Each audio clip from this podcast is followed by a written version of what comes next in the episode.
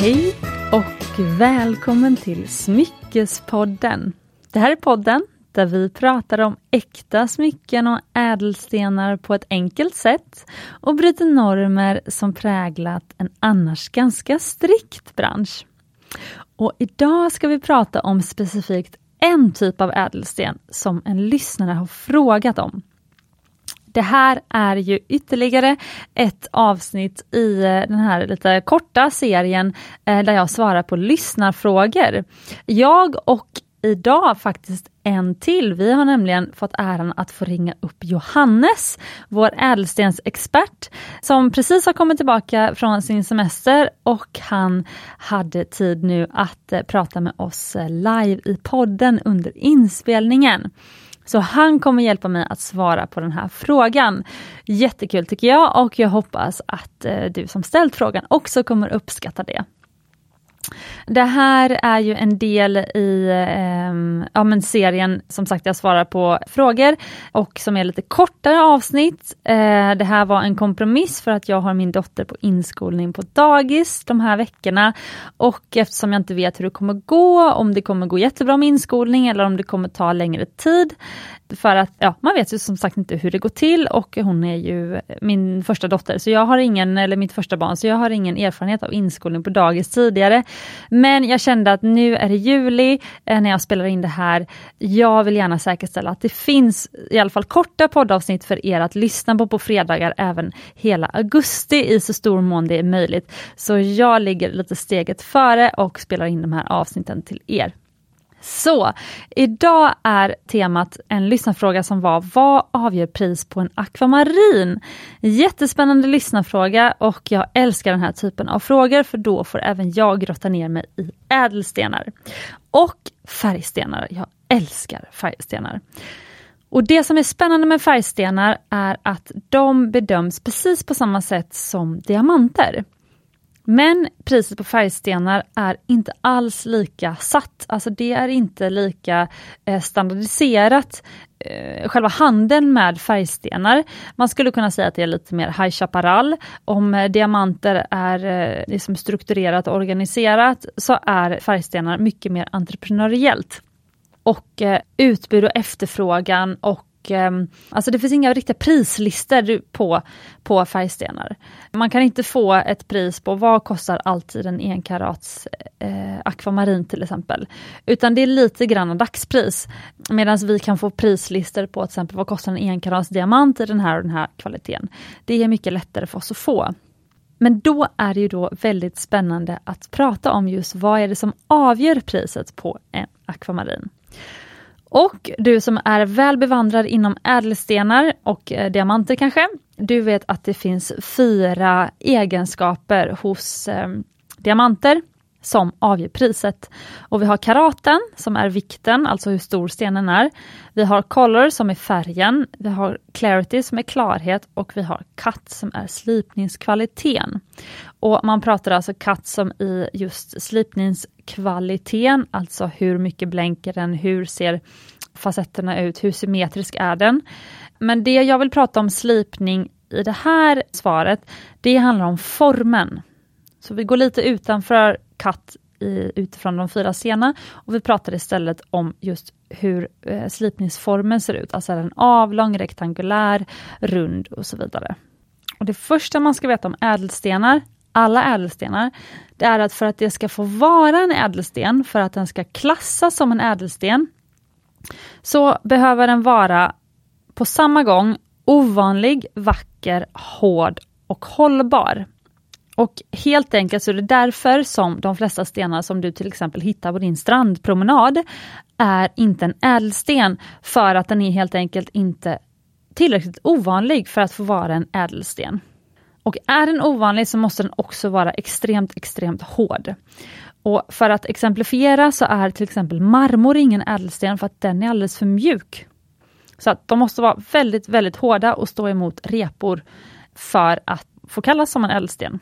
Och de allra flesta ädelstenar, det här är också bra att veta, de är slipade från mineraler som är formade djupt, djupt nere under jorden.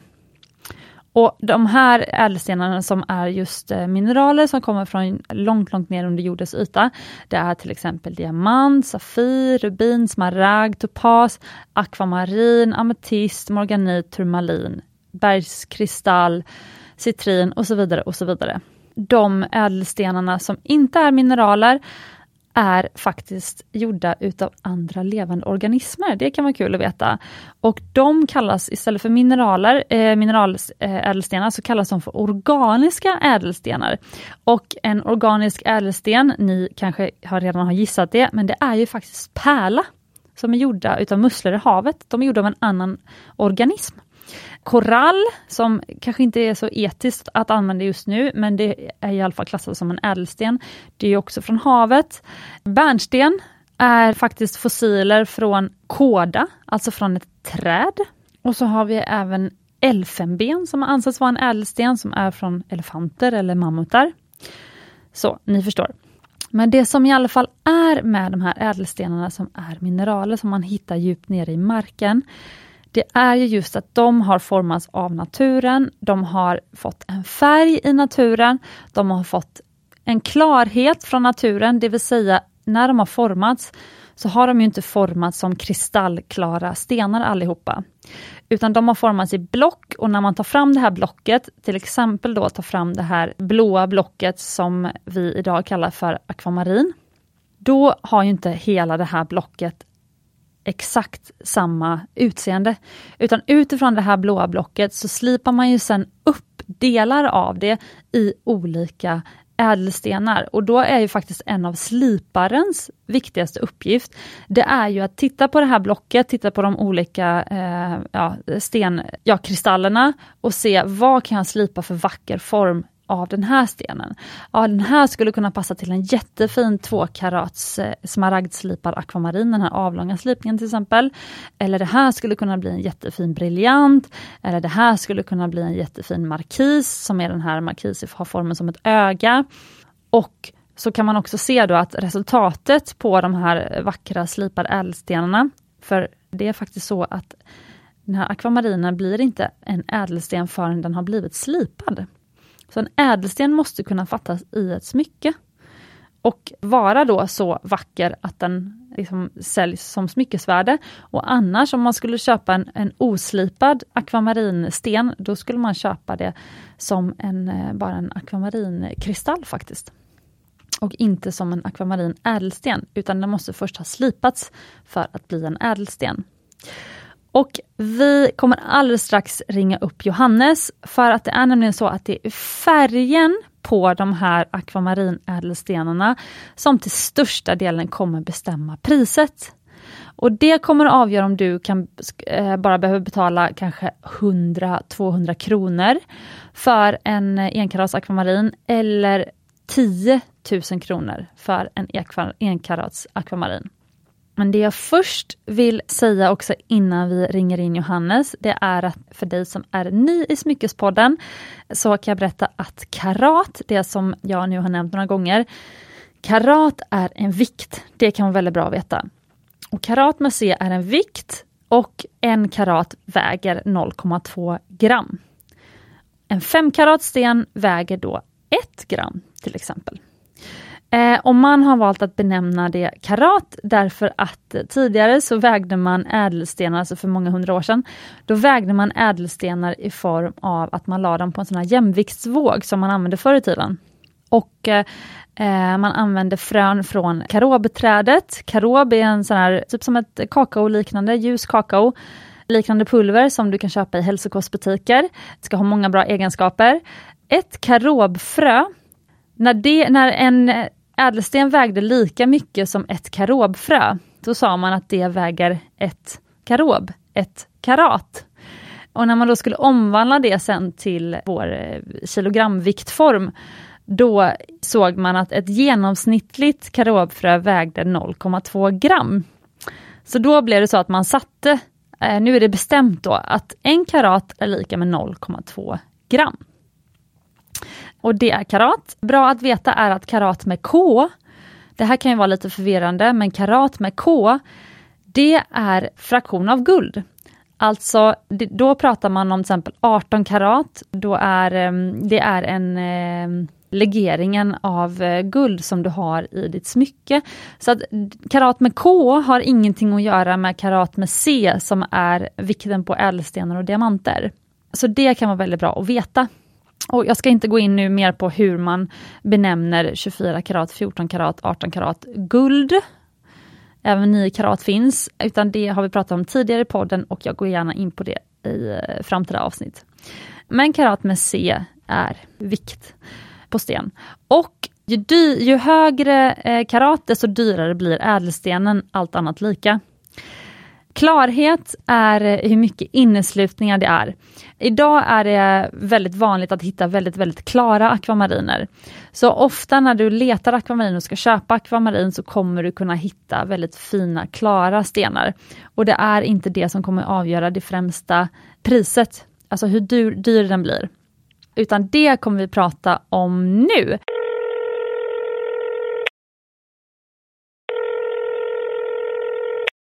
Hallå, hallå! Hej! Då har vi Johannes med oss i studion, eller i lurarna ska jag säga. Han är inte i studion, utan ädelstensexpert Johannes, vart är du? Eh, vänta på en buss, men jag tycker det här var en kul start första dagen efter semestern. Bra, bra idé! Ja, härligt! Eh, och vad gör en ädelstensexpert på sin semester? Oj, letar sten. Åh, oh, vad härligt! Vanligtvis i Sverige så är det ju djupa mörka skogar som gäller om man ska ut i övergivna gruvor och hitta mineral. Men i, i Ungern, där, där jag och min flickvän var nu, så där, där är det liksom inge, inte så jättemycket djupa skogar utan där är det fält. Så där, vi, vi satt och grävde i gassande sol under liksom under blomsterängar mer eller mindre. Hittade lite fina kalcedoner och agater och så. Nej, lägg av så coolt! Men är, ja, din, är din flickvän ädelstensintresserad? Inte ädelstenar, men även, hon, har även, hon samlar på mineral sedan länge och har letat sten och sådär tidigare också. Okej. Okay. det är ju en hobby för mig också, så det, det var en kul match tycker jag. Är det i kristallform då? Ja, vi, vi båda tycker att det är liksom roligast. Vi inte, alltså jag är inte så nördig och så duktig att jag sitter och kollar i mikroskop efter de här liksom riktigt sällsynta mineralen. Det finns många som gör det. Eh, utan jag är lite mer, jag är lite mer amatör och liksom hacka på en sten och se om det finns några fina kristaller, mer eller mindre. Okej, okay, men vart placerar man sen då de här mineralerna som man, de, för de, det är som stenar som man har hemma? Ja, precis. Så det gäller att man, man har stenar och inte böcker. Ja, precis. ja, just det. Liksom. Ja, exakt. Eh, eller stenar som stopp till böckerna. Det är sant. Man kan göra en kompromiss, men det är inte, jag kompromissar inte. Jag har stenar istället. Ja, ah, gud vad härligt. Okej, okay, nu blir man genast sådär, får upp bilder i huvudet av hur era bokhyllor ser ut hemma. jag får skicka över en bild någon gång. Ja, precis. Okej, men vad härligt. Du är tillbaka från semestern och jag fångar dig här. Det är nämligen så, vi har fått en fråga från lyssnare. Vad är det som avgör pris på en akvamarin? Och då tänkte jag prata med dig om färg. För mm. färg vet jag, eh, när jag köper in akvamariner, eller när du köper in akvamariner, så kan ju färgen spela roll. Mm, väldigt stor roll. Ja, vill du berätta lite? Ja, alltså tyvärr är det ju det är en jättespännande fråga. Svaret är tyvärr tråkigare. Mm -hmm. det, det, det, finns nästan inte så finns nästan inga faktorer som är så linjära som priset versus färg på akvamarin. Alltså det, det, det, finns inte, det finns inte så mycket roliga så här, twister på det hela utan det, eh, det är sällsynt, sällsynt förutsägbart. En väldigt blek färg eh, ligger på några, några hundralappar, liksom, ibland eh, hundralappar ut mot kund. Eh, man kan till och med med ganska kass lipning och en väldigt blek färg kan man till och med hitta liksom akvamarin på, på marknader där det är lite sämre slipade för, för hundralappen per karat. Eh, oj, oj, oj. Till en riktigt, liksom, riktigt dyra akvamariner som är starkt blå. Då pratar vi liksom, vi kan lätt prata 10 000 kronor per karat. De är riktigt, riktigt blå.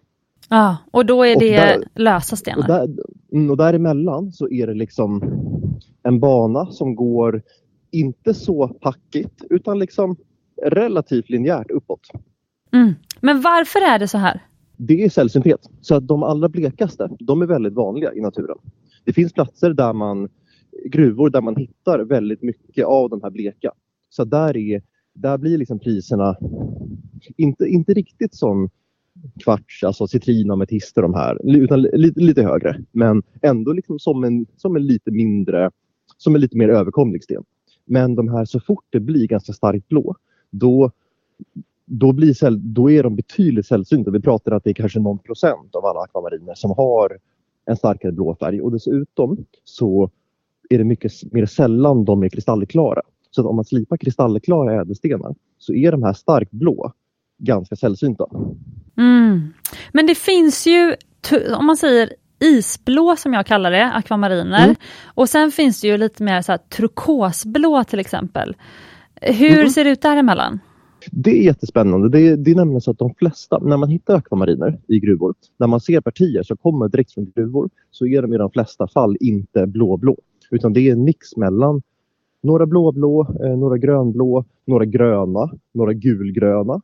Och sen som rutin så värmebehandlas de här i princip alltid. Så man stoppar in de här blandade partierna eh, i en ugn. Inte jättehöga temperaturer. Eh, vi pratar kanske har inte exakt i minnet men det är snarare, 100, det är snarare 500 grader än 1000 grader. Liksom. Mm. Eh, och då, då, då bleker man de gula nyanserna så att allt kommer ut som olika nyanser av blåblå. I princip, man kan ha lite grönt kvar men i princip så blir det blå, blåblått. Liksom. Okej. Okay. Så... Så, det, så det är det som gör att alla, alla akvamariner vi ser på marknaden normalt sett är liksom i större produktioner är blåblå. Men de här turkosblå du nämner som kan vara skitsnygga det, då har man liksom behållit en av de här naturliga färgerna. Mm. Men eh, är, de, är det någon av de här man säger nyanserna, för du pratade ju om omättade versus mättade, alltså väldigt mm. ljusa, bleka, ur, urvattnade kan man säga det, eller vattniga mm. akvamariner. Ja, absolut. Eh, och så jämfört mot de som har väldigt, väldigt stark färg som är väldigt mättade. Men det är ju inte samma sak som om man pratar om eh, turkosblå eller ljusblå eller som du kallar det då blåblå om du menar eh, knallblå. Ja. Eller hur? Det är ju två olika saker. Ja, absolut. Det, precis. Det första är ju ton och det andra du nämnde är nyans. Ja, jättebra. Så är det olika, så starkare ton är dyrare lärde vi oss nu. Eh, mm. Men är det någon av de här nyanserna som är dyrare än någon annan nyans? I princip ing, spela bla, bland de nyanser som är liksom folk tycker om. Som är de blåblå till de grönaktigt blå. Eh, där spelar det faktiskt inte så stor roll. Där är priserna ungefär jämbördiga. Det är snarare baserat bara på ton. Mm. Sen när det börjar komma in i liksom gröngrönt eller gulaktigt grönt, då sjunker priserna snabbt. Framförallt gulaktigt grönt är väldigt billigt. Mm. Jättespännande. Är det något annat som du tycker att lyssnaren bör veta om angående prissättning på en akvamarin? Mm. Eh, ja, eh, ska vi se. Två saker. Det första är att det, när man ser liksom reklam för akvamariner ute, ute på marknaden, alltså bilder, kanske, kanske, eh, kanske CAD-producerade bilder eller så, på smycken med akvamarin eller retuscherade foton så är de ofta, alltså även så stora internationella smyckemärken, liksom, när, man, när man ser liksom reklam för något stort smyckemärke så är ofta akvamarinerna ganska tydligt blå. Och det tror jag inte att de flesta är i verkligheten.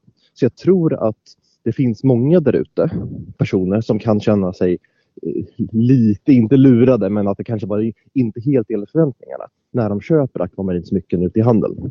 Mm. Eh, jag tror att man, man tror ofta att akvamarinerna som man ska få om man köper ett relativt liksom, överkomligt smycke på, på, på nätet eller någonting eh, ska ha liksom, tydlig ljusblå färg. I själva verket så är de flesta sådana väldigt bleka, alltså is, blekt isblå. Mm. Förstår. Så är det tips då att man helst ska se akvamarinerna i IRL, alltså i verkliga livet, innan man köper dem? Ja, det är verkligen. Det, det skulle jag säga. Och man ska även vara medveten, man ska se med verkligheten och man ska vara medveten om att pri, prisskillnaden på en blekblå som man knappt liksom, man, man, kan se att det är en hint av färg men som inte har en särskilt tydlig färg. Prisskillnaden för en sån jämfört med en tydlig ljusblå är, det är inte liksom plus 30% eller plus 40 det kan, det kan lätt vara plus 200 Mm. Så, det, så, så därför det man liksom tror att man får kanske om man köper ett någon, någon, om, om man liksom klickar hem på nätet ett smycke från en kollektion och så är det en CAD-bild med liksom ljusblå med tydligt ljusblå och om det är om det saknas liksom den här touchen av kvalitetskontroll på de här, i den här kollektionen så, så är det lätt att tro att man får en sten som kanske är värd 2500 per karat. Men att man kanske i själva verket får en sten som är lite blekare, knappt synlig färg och värd kanske 800 per karat. Ja, förstår. Jättebra! Så eh, köp från någon som, där du också kanske faktiskt kan välja mellan olika toner eller nyanser. Absolut, ännu bättre. Men framför allt bara att, att man har någon att kommunicera med. Antingen ser i verkligheten eller, eller som, som, som man ser till exempel att ni kanske skickar någon extra bild i olika ljusförhållanden eller liksom att man har någon att diskutera med. Mm, förstår. För de, här, eh. alltså de här bleka nyanserna är också skitcoola. Jag gillar verkligen de här isblå. Man får bara en touch av isblått. Liksom. De är skitsnygga. Men det gäller att man vet att man får en sån och inte en starkare blå. Precis. Ja, och jag vet själv att man blir lockad att verkligen visa upp stenarna som man skickar videos eller bilder till en kund i sitt allra, allra, allra bästa ljus. Men det kan även vara bra att skicka en bild där stenen kanske inte är i sitt bästa ljus bara för att kunna visa även hur den ser ut i olika vinklar. Och det är roligare att man som kund blir överraskad av hur fin ringen är eller smycket när man väl får den, än tvärtom. Verkligen. Mm. Ja, men jättebra svar Johannes. Då fick vi en liten inringning här, eller vi ringde ju faktiskt dig, eh, till Smyckespodden. Känns väldigt lyxigt. Ja, nej, men välkomna tillbaka. Jag får ja. komma, och, komma och besöka någon gång i framtiden snart. här. Ja, verkligen. Och eh, vem vet, jag kanske ringer upp eh, snart igen. Härligt, härligt. Ha ja. en bra dag. Ja, men tack så mycket och eh, hälsa och tjejen. Och alla lyssnare också. Ja, jättebra. Ha det bra. Hej. Hej då. Och Det här var ju väldigt kul. Jag hoppas att du som lyssnar fick ett bra svar av Johannes, annars får du skriva in igen. Och Jag vill också bara säga att man kan också vara lite smart med slipning. Jag har nämligen nu under sommaren fått eh, eh flera roliga kunduppdrag som vill eh, göra one of a kind-ringar med härliga ädelstenar. Och det är specifikt faktiskt en kund nu som vill att jag ska göra en ring tillsammans med henne med rosa Safir, en så här riktigt knallrosa Safir. Och de är superdyra av samma anledning som Johannes berättade nu, alltså att vissa rosa Safirer är mycket billigare och vissa rosa Safirer är mycket, mycket dyrare. Eh, just för att de här knallrosa i exakt rätt rosa nyans, det är många som vill ha dem och det är svårt att hitta. Eh, så de då stiger väldigt mycket i pris. Och hon var först sugen på en smaragdslipad eh, sten, eh, alltså det är den här rektangulära slipningen. Men sen fick hon höra priset för hon vill ha en väldigt stor ring så den skulle behöva bli liksom 4-5 karat. Och de här rosa safirerna är superdyra. De som jag kollar efter, de kan kosta 20 till 30 000 per karat eller mer än det. Så nu förstår ju du då hur dyr den här, eh, hennes ring kommer bli.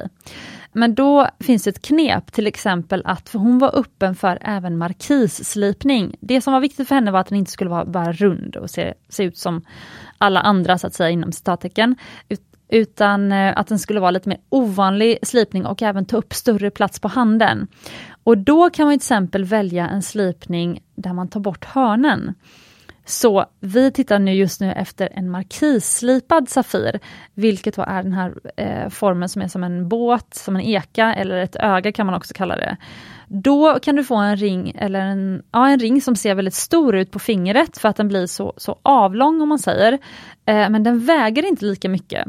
Så vi tittar just nu på ungefär en och en halv karat Safirer till henne eh, i markisslipning och de kommer bli ungefär lika långa som en mycket större, till exempel ja, men 4 karats ungefär. Motsvarande smaragdslipad Safir skulle bli. Och eftersom det är utöver färg så är det karaten som bestämmer priset till väldigt stor utsträckning. Alltså att ju högre karat desto högre pris. Så om vi kan då gå ner i karat då kan hon ändå få den här fantastiska färgen hon vill förlåt, om vi ändrar slipningen, nu, nu blir det så snurrigt här, eh, men om vi i alla fall går ner, om vi väljer markisslipning istället för smaragdslipning, då kan hon få en eh, ring som ser väldigt stor ut, men som inte alls blir lika dyr som om hon hade valt smaragdslipning. Så man kan jobba så också med när man eh, letar ädelstenar och eh, designar sina smycken. Och med de här orden så vill jag nu avsluta det här frågeavsnittet sedvanligt med att läsa upp ett DM jag fått på Instagram. Jag älskar när ni, eh, eller vi, även alla gäster ska jag säga, vi alla älskar när ni skickar in DMs på Instagram, även om jag inte alltid är aktiv med att lägga ut posts på Instagram. Så särskilt nu under sommaren, när jag hellre vill eh, fokusera med familjen. Tyvärr är ju Smyckespodden inget som jag, som, ingår, som jag får lön för. Men det är också därför jag älskar Smyckespodden, för det är inget företag, det är bara mitt passionsprojekt. Men eh, tiden är knapp, jag vill prioritera familjen och tyvärr så måste jag ju lägga ut eh, på mm, Mumbai Stockholms konto, alltså mitt jobbskonto, när jag jobbar här de, under ja, semestern. Så eh, då får jag mindre tid över till annat. Men hur som helst, det jag ville säga var att jag läser alltid DM, så skriv alltid där, det är så roligt. Och det är till stor del alla sådana personliga meddelanden, de här direct messagerna, som jag eh, använder mig av när jag får inspiration till nya avsnitt. Så skriv där. Och då har vi fått in ett DM som var för i maj, fick vi in det här, och hon skriver Wow! Måste bara säga att avsnitt 111 gjorde mig så gott. Vilket pangavsnitt som helhet, men det bästa av allt, kompromissdelen. Jag har nyligen köpt min förlovningsring som är custom made på grund av att jag vill ha en stor diamant som centersten.